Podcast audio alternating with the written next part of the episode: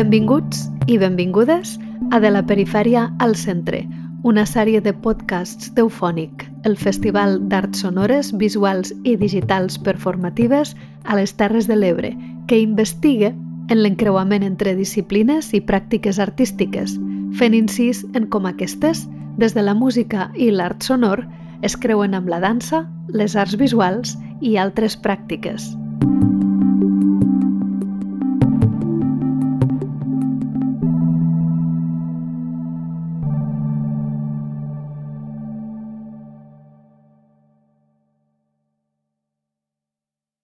Aquest podcast es diu De la perifèria al centre i avui tenim amb nosaltres a la Sònia Gómez. Sònia, què tal? Com estàs? Bé, hola, molt bé. Estem contents de que ens acompanyis en aquest programa i la Sònia, jo crec que només has participat una vegada a l'Eufònic, veritat? I va ser just prepandèmia el 2019?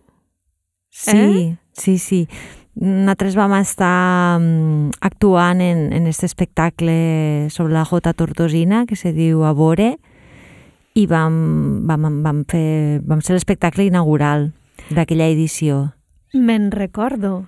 I abans d'entrar en, en aquest espectacle i en aquella edició de l'Eufònic, per la gent que ens està escoltant i diu en qui està parlant? Qui és la Sònia? Jo et pregunto, Sònia Gómez, qui ets? Què fas?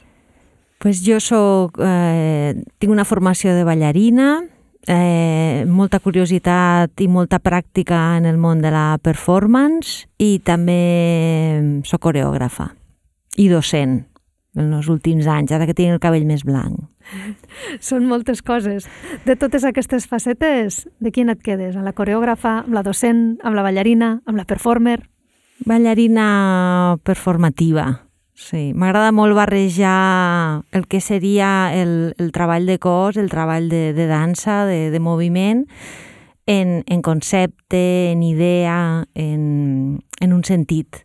Encara que també puc ballar de manera abstracta, sense sentit, però m'agrada maridar estos dos llocs, no?, d'aquestes dues disciplines. I la performance és una mica particular perquè a vegades no sabem ni ben bé el que és per això, això ho estava rumiant al cap i t'anava a dir, si hi ha persones profanes que igual no saben ben bé on és la, la frontera entre la dansa, sobretot dansa contemporània o dansa no de formes clàssiques que podem conèixer com el ballet o el jazz i la performance, què seria performance? La performance és quan eh, tens aquesta, una idea, un concepte, algo que vols compartir, que vols fer públic i que tu mateix eh, generes el contingut i tu mateix eh, hasta eres l'intèrpret. És a dir, te confrontes a, a, en, este, en este públic, en aquesta situació pública. És a dir, que executes all, allò que tenies pensat en qualsevol disciplina. Vull dir, Uh -huh. És una mica, ara quan m'ho explicaves, dic, és com, com quan definim un cantautor, no? que és una persona que interpreta les seues pròpies composicions. Sí, sí, sí, algo així.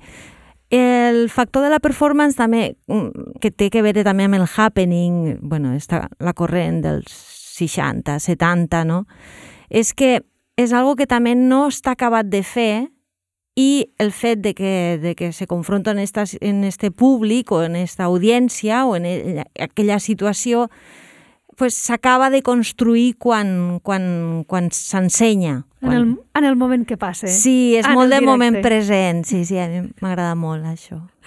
Sí, i això, que jo crec que és, també és molt de moment present, i tornant en aquesta, en aquesta experiència al, a l'Eufònic del 2019, amb aquest espectacle que es deia Abore, que és una expressió que es diu molt Terres de l'Ebre, nord de València, Abore, els de Terres de Ponent diem a veure, a me, que és un espectacle que uneix tradició, però també contemporaneïtat i modernitat, i passava al carrer. I jo crec que les persones que estàvem asseguts allà en aquella avinguda, que crec que li diuen el coc, uh, no sabíem massa què és el que passaria. Senzillament era com, mira, a tal hora hi ha la Sònia Gómez i Astrio i estàvem allà sentats a veure què passava, quan de repent va aparèixer com si fos una banda de música callejera amb diversos instruments, un dels quals era un telèfon mòbil que sonava.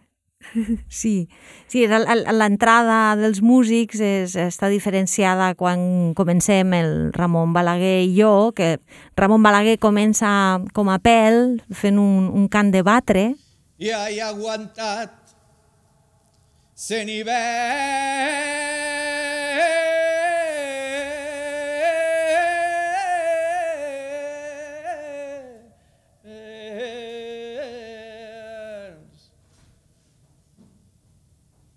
i hay aguanta mil ventades. És el que cantaven los agricultors, bueno, els pagesos quan estaven sols al tros i, i jo l'acompanyo en moviments, en moviments que il·lustren o que que, pues això, que una mica s'acoplen en, aqu en aquelles paraules. És, és bastant emocional el que, lo que ell diu i a mi, d'alguna manera, el, el fet de d'esta nuesa, este, este lloc tan, tan cru, m'anava bé o me va bé per a, per a connectar-me en un cert moviment, en unes certes formes. I és un lloc que, en el que a mi m'agrada molt treballar. Interpretar a través del cos des de la des d'esta pràctica de cos i de moviment i de dansa, però atenent a, en aquella significació o en, en allò que, que s'està provocant, no? que s'està provocant a través de les paraules, a través de la música. Se m'activa un, un espai també molt emocional i molt, molt intuïtiu. Lo silenci ho ha vençut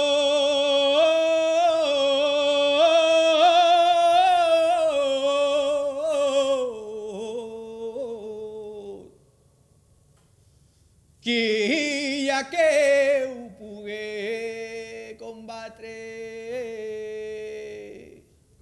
El diàleg entre el passat, present, futur uh -huh. era la Carme en, en, la, en la, la indumentària tradicional fent passos tradicionals i al seu costat en una indumentària contemporània fent, fent passos. Però que també hi havia aquesta idea com de, de, de barrejar-se, és a dir, jo durant l'espectacle el que passa és que d'alguna manera entre ella i jo mos anem com, com, va, com mesclant, barrejant i ella es converteix en més contemporània d'alguna manera i jo pues, eh, acabo adoptant també el rictus de, de, de la dansa tradicional, del punteig que se fa en la jota, de tot, eh, manera de, de fer en el moviment tradicional, no? Cosa que jo no hagués imaginat mai que faria, però bueno, no és, la gent que ho està escoltant segurament que, que té molts referents ara al cap d'esta de, relació, d'esta fusió, d'esta cerca no? del, del passat, d'este passat, present i, i futur. No? Que ja sento tocar els gaiteros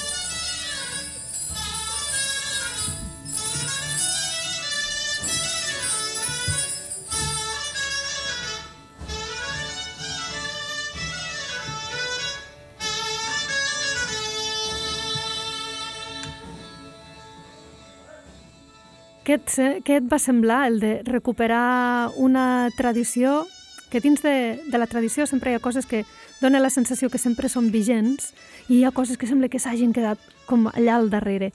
Què et va semblar recuperar aquesta tradició que en certa manera sem, a moltes persones ens sembla com si s'hagués quedat allà en algun moment en el temps parat? Bueno, eh, per a mi ja ni, ni tan sols recuperar, per a mi va ser des, descobrir perquè jo no tenia... Jo me vaig remuntar al Tradicionarius, jo no sé si la gent encara se'n recorda, però jo quan estudiava, quan vaig vindre a Barcelona l'any 92, a estudiar a l'Institut del Teatre, una de les coses així que ens feia més eh, com era pues, el, el món del, de la música tradicional, de tot el que, lo que era tradi, no? I tot això no, no, no, no se connectava en, en, en l'eufòria de, dels inicis de la música electrònica, per exemple, i tot el que, tot lo que va representar este, este moviment, no? que jo el vaig viure al 100%, perquè la música electrònica sempre l'he utilitzat molt per a moure'm, per a trobar aquesta performativitat eh, en el cos i en el moviment. No? Llavors, a veure, va ser un encàrrec i, i va ser una descoberta d'algo que, que jo no havia tingut la, la possibilitat, no venia. En canvi, Ramon Balaguer i Carme Balaguer sí que venien d'aquest coneixement, des de, des de la família, no? des de, havien fet aquest recorregut i coneixien molt bé sobretot Ramon, a nivell de, de lletres i de significació i de, del sentit i de per què se fan certes coses de certa manera, no? Llavors va ser un, per a mi va ser obrir una porta que este batre que vos comentava a, mi, a mi m'era igual d'on era, d'on venia i, i, i, i si mos havíem anat cent i pico anys, anys detrás, no? Vull dir que a mi me connectava en algo que, que, que me feia que, que el meu moviment s'accionés, no? Bueno, de fet, les cançons, la interpretació del Ramon i també les lletres eren molt vigents tota l'estona, a mi em semblava. Tot i que parlessin de vegades de, potser de coses que ja no fem, però tot plegat era vigent i, i molt comprensible. Sí, d'estos llocs són llocs comuns, són llocs universals i la, el fet del, estar sol, per exemple, que, que és el cants de batre, o, o el moment de, de la festa, no? del, del trobar-se, de, de, de juntar-se, de liar-la.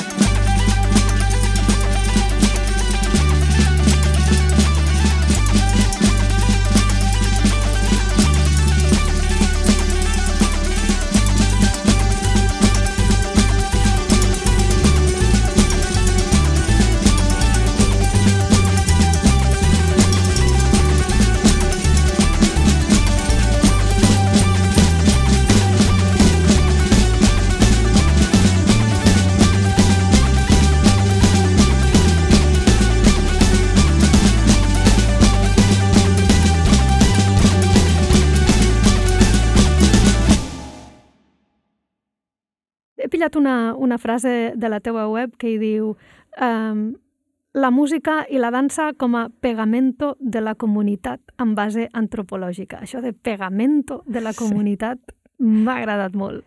Sí, és de Ramon Balaguer. Ell, ell fa, molt, fa servir aquesta cosa del pegamento. Jo sempre em vaig a la imatge del pegamento i medio, que, no, bueno, també és que jo sóc del 73 i vull dir aquestes coses... Bueno, és una cosa que ha format part de la nostra vida, de tota una generació, no? Sí, però veus aquesta paraula? No, jo també l'havia recuperat perquè no... Penso que des de la, des de la infància que no, no la... I sí, de fet és això, no? Si mostrem una mica els, els, els còdics propis, no? on, on estem a gust, on, o potser, on reivindiquem no? pues un tipus de un tipus de llenguatge, un gust, una estètica, etc etc. si mos traiem d'això, és a dir, jo aquella no sé, aquella estudiant que volia ser moderna pues no s'hagués imaginat mai cruzar-se en, en el món tradicional, no? I, i de sobte pues, eh, és l'avantatge dels encàrrecs no? que t'entren i, i, i, i és que nosaltres ho hem d'atendre tot. Tota la faena que ens arriba l'hem d'atendre, no? I llavors, pues, està bé, perquè pots eh, fer lo teu, però en una altra tessitura. I això sempre és, i és este pegamento no? que comentava el Ramon. També, suposo que també deu ser paraules del Ramon que comentava, diu que Uh, quina diferència, no recordo exactament les paraules, però quina diferència hi ha entre el jovent de fa 100 anys aporrejant una guitarra acústica i el jovent més recent uh, fent soroll amb una guitarra elèctrica o ja portat a la música electrònica en un sampler, una caixa de ritmes o fins i tot un ordenador.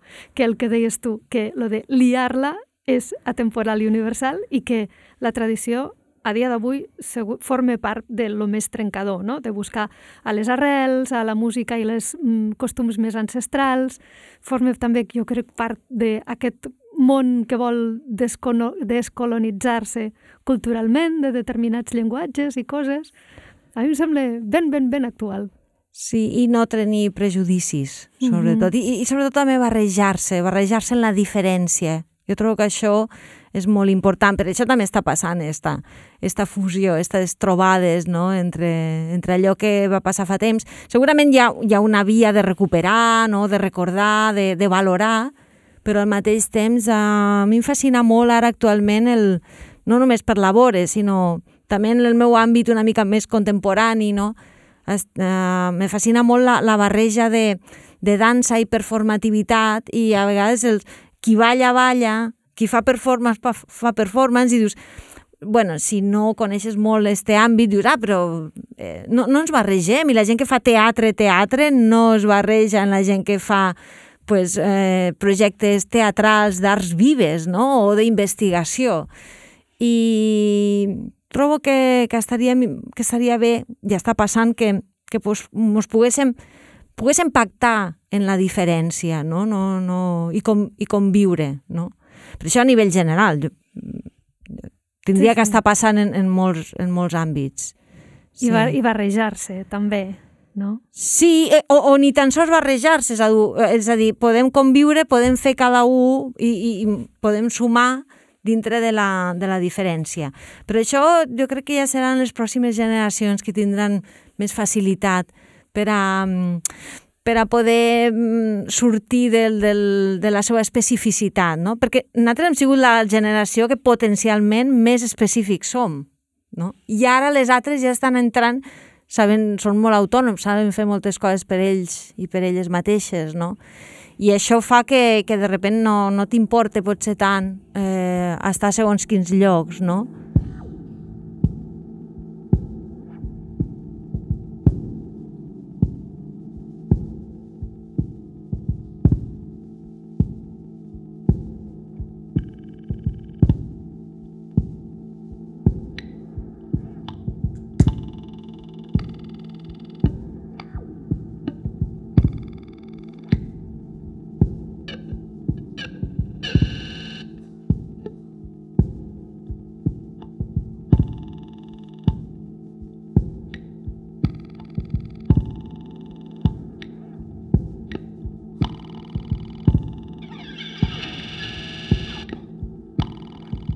Recordes d'aquest bolo, d'aquesta experiència i del festival en general? Bueno, recordo haver estat, bueno, ballar molt a prop de la Sènia, que és el poble on vaig néixer, i als 14 anys vaig marxar sense mirar detrás, i gràcies a la Bore, pues, torno a parlar en l'accent de Terres de l'Ebre, perquè jo quan vaig vindre a Barcelona en sis mesos ja parlava en l'accent d'aquí. Jo també ho faig, però ara com que parlo amb tu... Sí, pues... a mi m'està passant també, volia fer la d'allò, dic, ah, no, començaré en el català de... No, dic, ja, ja està, ja està. I, bueno, era molt emocionant perquè hi havia gent propera que no, que no m'havia vist, així en directe, no?, perquè també el, les programacions allí vaig tampoc, no, jo no, va, no acaba d'arribar en el que fa en els meus espectacles, els projectes, i en labores sí, i bueno, era, era, era bonic, és, és bonic estar al carrer, jo, jo el carrer és un lloc que respecto molt perquè no el desconec i llavors labor és una peça de, de sala, de, de teatre inter, interior, però bueno, era el festival i era molt festiu estar, i després eh, la gent no me reconeixia durant el festival, era com, uau, que divertit, no? Era, ah, bueno, ah, sí, eres la, la, la, la ballarina de este, sí, sí, no? Era com, uau, m'ha costat... I, I crec que era perquè eh, la vore és tan, tan tradicional, en realitat, encara que hi ha aquesta fusió, mm. però és molt, molt tradicional, no? I llavors, eh, fora del, del context, pues, eh, no, hi havia gent que no... bueno, professionals que, havien, que, que mos cruzàvem a la nit que no acabaven de, de saber... bueno, també en els festivals hi ha tanta gent, hi ha tants, hi ha tantes, hi ha tants estímuls que... I, i és, és l'energia de a Sant Carlos de la Ràpita és molt interessant perquè és com que venen uns aliens I, I Sant Carles és un poble que, que és coster però s'ha quedat molt, molt poblet i és, és un, no és una costa Sí, no està super turistificat. Exacte. I llavors eh, hi ha un, esta, esta barreja de, de la gent que va a un festival de música i un festival de música de vanguarda en la, en la gent del poble pues, era, era bonic. Jo ho veia des de fora, sent del Terres de l'Ebre encara m'apareixia més bonic, la veritat.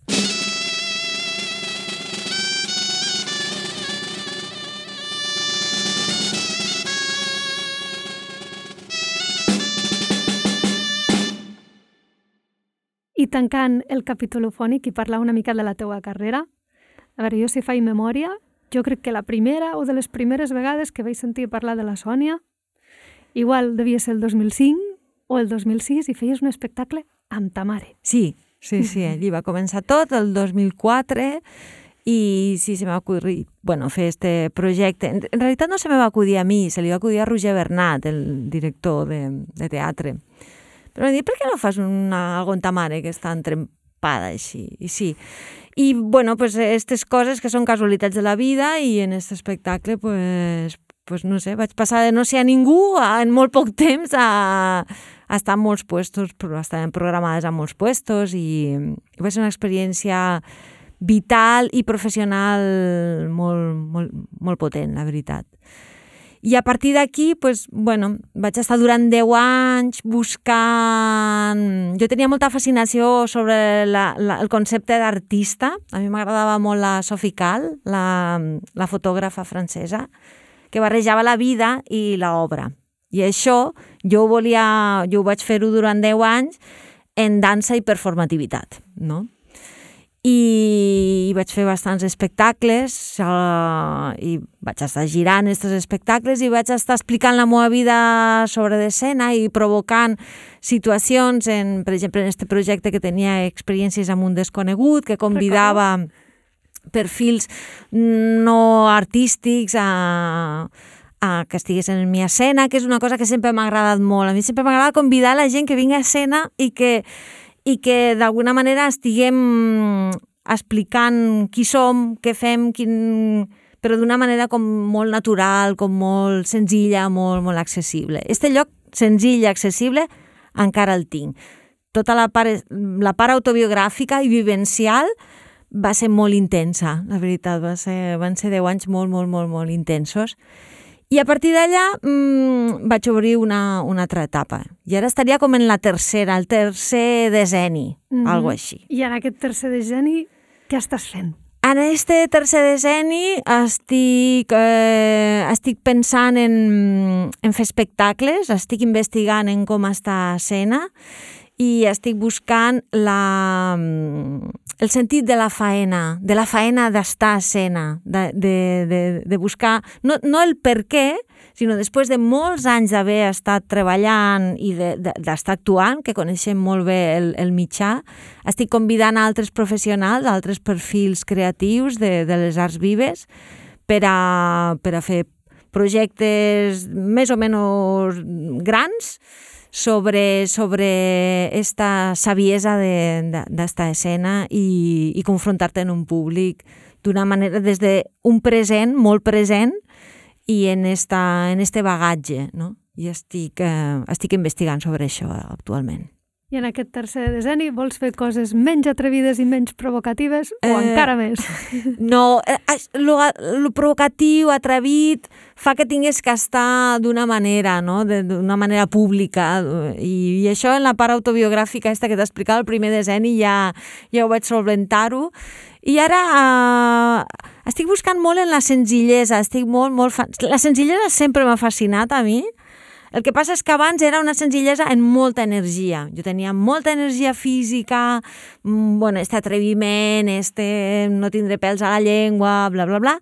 I això, pues, jo crec que ara s'hauria, s'està transformant, pues, no, mm, no tinc tanta energia, no puc ballar, tinc el genoll en, en un problema, però tot això és molt interessant perquè a mi, com aquesta part autobiogràfica, no, la, la, no, no em desprenc d'ella, no l'ensenyo, però no em desprenc d'ella i l'aprofito, m'estic movent d'una altra manera, aprofitant este ginoll que sempre ha d'estar alineat, eh, ja no treballo amb tanta visceralitat, tinc que ser més, més cabal, aprofitar més tot, tot el recorregut, no? I en esta i en aquesta investigació, a mi em fa gràcia perquè m'ha vingut un flash molt fort, perquè he sigut molt, a mi m'ha agradat molt el John Hopkins, el James Holden. Si escoltes és que, el que estan fent ells ara, l'últim de John Hopkins és, és una meditació absoluta i a vegades dic, m'emmirallo una mica, dic, que curiós. Ah, algú diria, ah, és que vos esteu fent gran. No, és que volem fer altres coses. No, no m'imagino aixecant la cama com loca, en les sabates de, ta, de tacó que portava, en una vinga, ara això, ara allò, no? en una provocació i exaltació de, de, de, de, de tot el que pot ser un.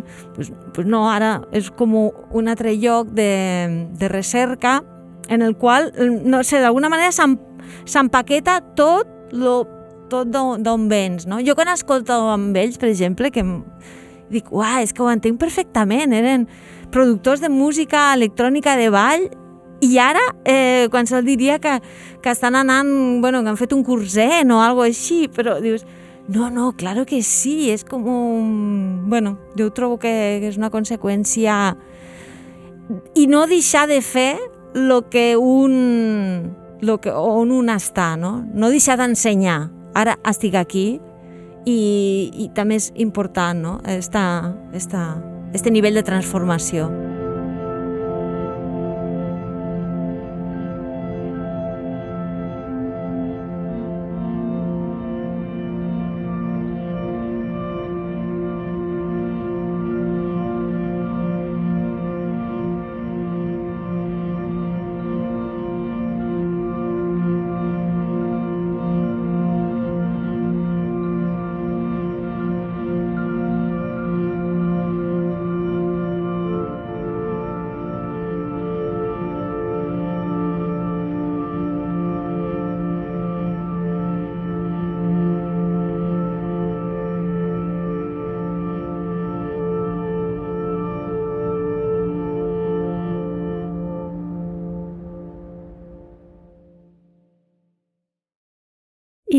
Retornant al, al títol d'aquest podcast, que es diu La perifèria al centre, volia preguntar-te què és per tu perifèria i què és per tu centre. I curiosament, les persones que hem entrevistat fins ara en el programa sempre són persones que venen d'algun altre lloc de Catalunya més proper o més llunyà a Barcelona i que en algun moment doncs, acaben aquí, com per exemple que avui estem a Fabra i Coats, a Ràdio Fabra, que sempre acull amablement la gravació d'aquest podcast.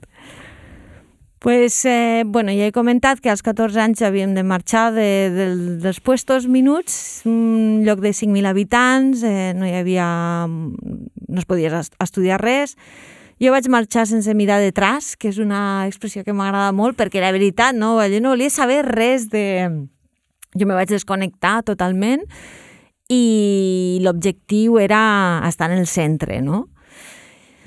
Però, ostres, està molt bé tindre pobles, saps? I sobretot ara en el que ha passat, en el que està passant encara, encara estem en les mascaretes i aquestes coses. Llavors, no, no, no és que... Eh, a veure, la, la cosa és que la, la, segons lo, lo que has estudiat, pues, pots fer més o menys, no?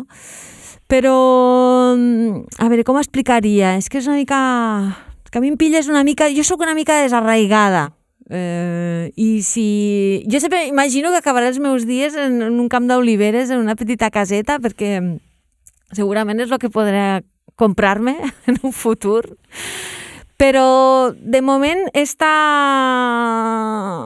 Eh, hem de descentralitzar, és, és molt important. I hem, hem de sortir, hem de i és una pena que encara no s'ha trobat eh, este equilibri entre el, el no res rural i la concentració mega, mega possibilitats que hi ha a les ciutats, no? perquè la ciutat s'ofega per aquesta mega, mega, mega opció i, i, i el rural pues, també s'està desdibuixant, no? perquè no hi ha el que hi havia abans, però tampoc no hi ha res ben bé nou, no? però gràcies a, segurament, a este problema climàtic en el que, estem, en el que estem, que també eh, l'hem de comentar perquè és així, pues, uh, s'està valorant el, el fet de, de, de viure en, en aire, aigua, etc etc d'un cert nivell, no? perquè clar, a la ciutat ja, ja ho sabem, a part del nivell econòmic, etc etc. no?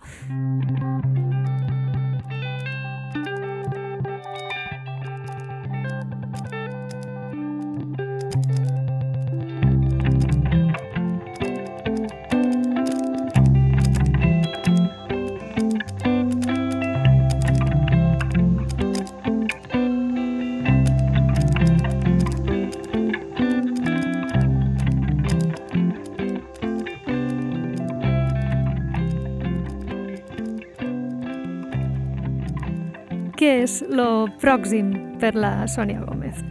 Què estàs barrinant? Què estàs preparant? Vale, estic preparant una, mm, un diàleg en lo Sara Fontan, que és un projecte que estarà a escenes del juliol del 23, és a dir, que començarem a treballar d'aquí un any. Vull convidar en un altre projecte una persona que, que té una depressió, que té un problema de salut mental, que és una dona que, en la qual m'agradaria fer un duo, i jo m'estic apropant una mica al projecte del ma mare, a quan convido a gent que no és del mitjà, i llavors eh, estaria una mica tornant a, a, a certs a certes fórmules que, que conec, i, perquè a nivell de mòbil, de, de, de, de, d'actuar, eh, aquí hi ha un sostre i acabo de fer una peça al novembre en el, del mercat, bueno, vaig fer una peça gran en cinc intèrprets al Mercat de les Flors i moure això a vegades és molt més complex que, per exemple, un duo. Nosaltres sempre tenim un duo, un solo, que està, que ens fa... Bueno, a mi m'agrada molt estar escena, m'agrada molt actuar, no? Llavors estic barruntant això. Un infantil, un espectacle infantil de 3 a 5 anys que m'acaba de proposar al Mercat de les Flors, una producció eh, molt particular, que li, estat, li estic donant moltes voltes perquè ve molt de gust, però no tinc l'experiència, de fet. I estic treballant també en adolescents, que aquí sí que des d'un projecte que vaig fer, vaig fer el Tot Dansa, que és un projecte de l'Ajuntament i Mercat de les Flors, i també el Departament d'Educació, de, mmm, vaig fer un, un, una peça per a, per a instituts, per a cinc instituts de Barcelona, i allí vaig a obrir una porteta per a, per a, bueno, per a cruzar-me en adolescents, que és algo molt complex, eh? és molt complicat, però que fa molta falta. Fa molta falta que generem projectes per als adolescents d'ara mateix. Perquè si nosaltres teníem la part fosca, jo crec que ara ja, ja no se sap si és fosc o ja... És, és com molt lío, és molt lío i és tot com molt, molt complex i em fa, me fa patir una mica, trobo que... I, i, i una mica així, et podria dir alguna cosa més, però així clarament seria, seria És això. bastant. No està trobo. malament. És, és, és una agenda bastant, bastant plena de coses. Sí, barrejada, que, que també abans me costava més eh, barrejar pues, propostes i ara no tinc cap problema. Vull dir que eh, abans inclús passar, eh, de, de, de treballar i dir ara tinc que pensar en una escena per als adolescents i després eh, tinc que fer este duo en, en, en esta convidada que no és ben bé de l'àmbit i abans era més, anava més per parcel·les, no? I ara no, puc, puc dividir el dia en diversos projectes. Sí. Molt bé. Moltíssimes gràcies, Sònia Gómez, per acompanyar-nos en aquest episodi del podcast de l'Eufònic de la perifèria al centre. Moltes gràcies a vosaltres.